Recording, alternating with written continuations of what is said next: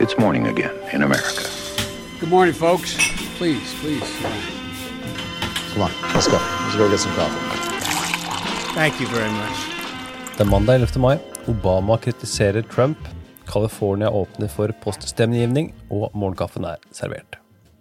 På fredag kom tidligere president Barack Obama med kraftig kritikk av president Trump i et telefonmøte med 3000 tidligere ansatte i handelsadministrasjonen. Obama omtalte håndteringen av koronakrisen som en absolutt kaotisk katastrofe. Om tidligere presidenten mener da at en egoistisk tankegang fra Trump og hans administrasjon har deler av skylden for situasjonen USA nå befinner seg i. I USA er nå over 1,3 millioner mennesker smittet, og over 80 000 er døde. Obama oppfordret videre sine tidligere ansatte og allierte om å støtte Joe Biden som presidentkandidat, og uttalte selv at han kommer til å bruke mye tid og ressurser på å drive valgkamp for Biden. Obama uttrykte samtidig uro mot trender som egoisme, polarisering og fiendtliggjøring i amerikansk politikk og samfunn, og uttalte at det er dette demokratene må kjempe mot. I forlengelsen av dette publiserte Biden-kampanjen en ny reklamefilm i helgen. Budskapet Crisis Reveals Character. I'd rate it a 10. I think we've done a great job. I've heard that they are loaded up with gowns now. You know, we're not a shipping clerk. You know, it's a two-way street. They have to treat us well also. How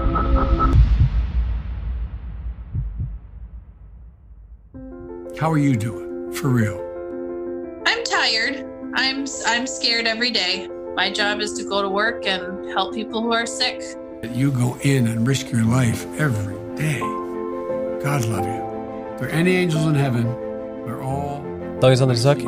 California har vedtatt at det vil være muligheter for poststemmegivning ved presidentvalget til høsten. I California så vil velgerne nå automatisk motta en stemmeseddel for poststemmegivning, og det blir et alternativ til ordinær stemmegivning. California-guvernør Gavin Newsom, en demokrat, signerte en guvernørordre på fredag, hvis formål er en tryggest mulig gjennomføring av høstens valg i USAs mest folkerike delstat. Sure out uh, voters and giving them the opportunity and giving them the choice uh, not to feel like they have to go into a concentrated, dense environment where their health may be at risk, but provide an additional asset and additional resources by way of voting by mail. Uh, I signed an executive order uh, about an hour ago uh, that will allow every registered voter in the state of California to receive a mail in ballot. That mail in ballot is important, but it's not an exclusive substitute to physical locations. President Trump har ved flere anledninger uttrykt sterk kritikk mot poststemmegivning, og reaksjonen lot ikke vente på seg etter Newsoms pressekonferanse.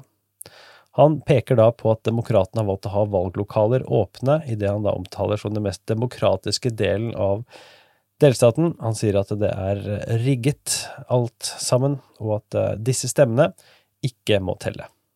Dagens tredje sak. Visepresident Mike Pence sin presseansvarlig, Katie Miller, testet positivt for koronaviruset før helgen. Miller er nå den andre personen i Trump-administrasjonen som testet positivt for covid-19. Torsdag ble det bekreftet at en av Trumps personlige assistenter testet positivt. Ifølge Det hvite hus har både president Trump og visepresident Mike Pence testet negativt i etterkant. Tested uh, time, and then all of a sudden today she tested. Uh, she hasn't come into contact with me. She spent some time with uh, the vice president. Uh, it's, uh, I believe, the press person, right? You'd say press person. Uh, so uh, she tested positive out of the blue. This is why the whole concept of tests aren't necessarily great. The tests are perfect, but something can happen between a test where it's good and then something happens, and all of a sudden she was tested uh, very recently and tested negative, and then today, I guess, for some reason, she tested positive. So Mike knows about it, and Mike has uh, done what he has to do. I think he is uh, on an airplane going to some faraway place. Uh, but, uh, Etter at nyheten om. Miller ble kjent, har dr. Anthony Fauci samt direktørene av CDC og FDA uttalt at de går i selvkarantene, da de har vært i relativt nær kontakt med Miller. Dagens fjerde og siste sak, Tara Reed aksepterer løgndetektortest.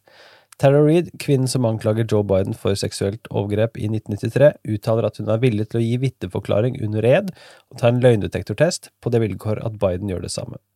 Konteksten for Reeds uttalelse er at Christine Blasey Ford, kvinnen som anklaget den da høyesterettsnominerte dommeren Brett Kavanaugh for seksuelt overgrep, gikk gjennom tilsvarende prosess. Megan Kellys intervju med Reed er nå publisert i sin helhet, som omtalt i søndagsutgaven av Målkaffen. Du kan her høre et lite utdrag. And I thought it. I don't know if I said it, but sometimes, you know, when I ha- I've had a couple bad dreams or a few bad dreams about it, I wake up yelling that. I wake up yelling, stop. And then he, um,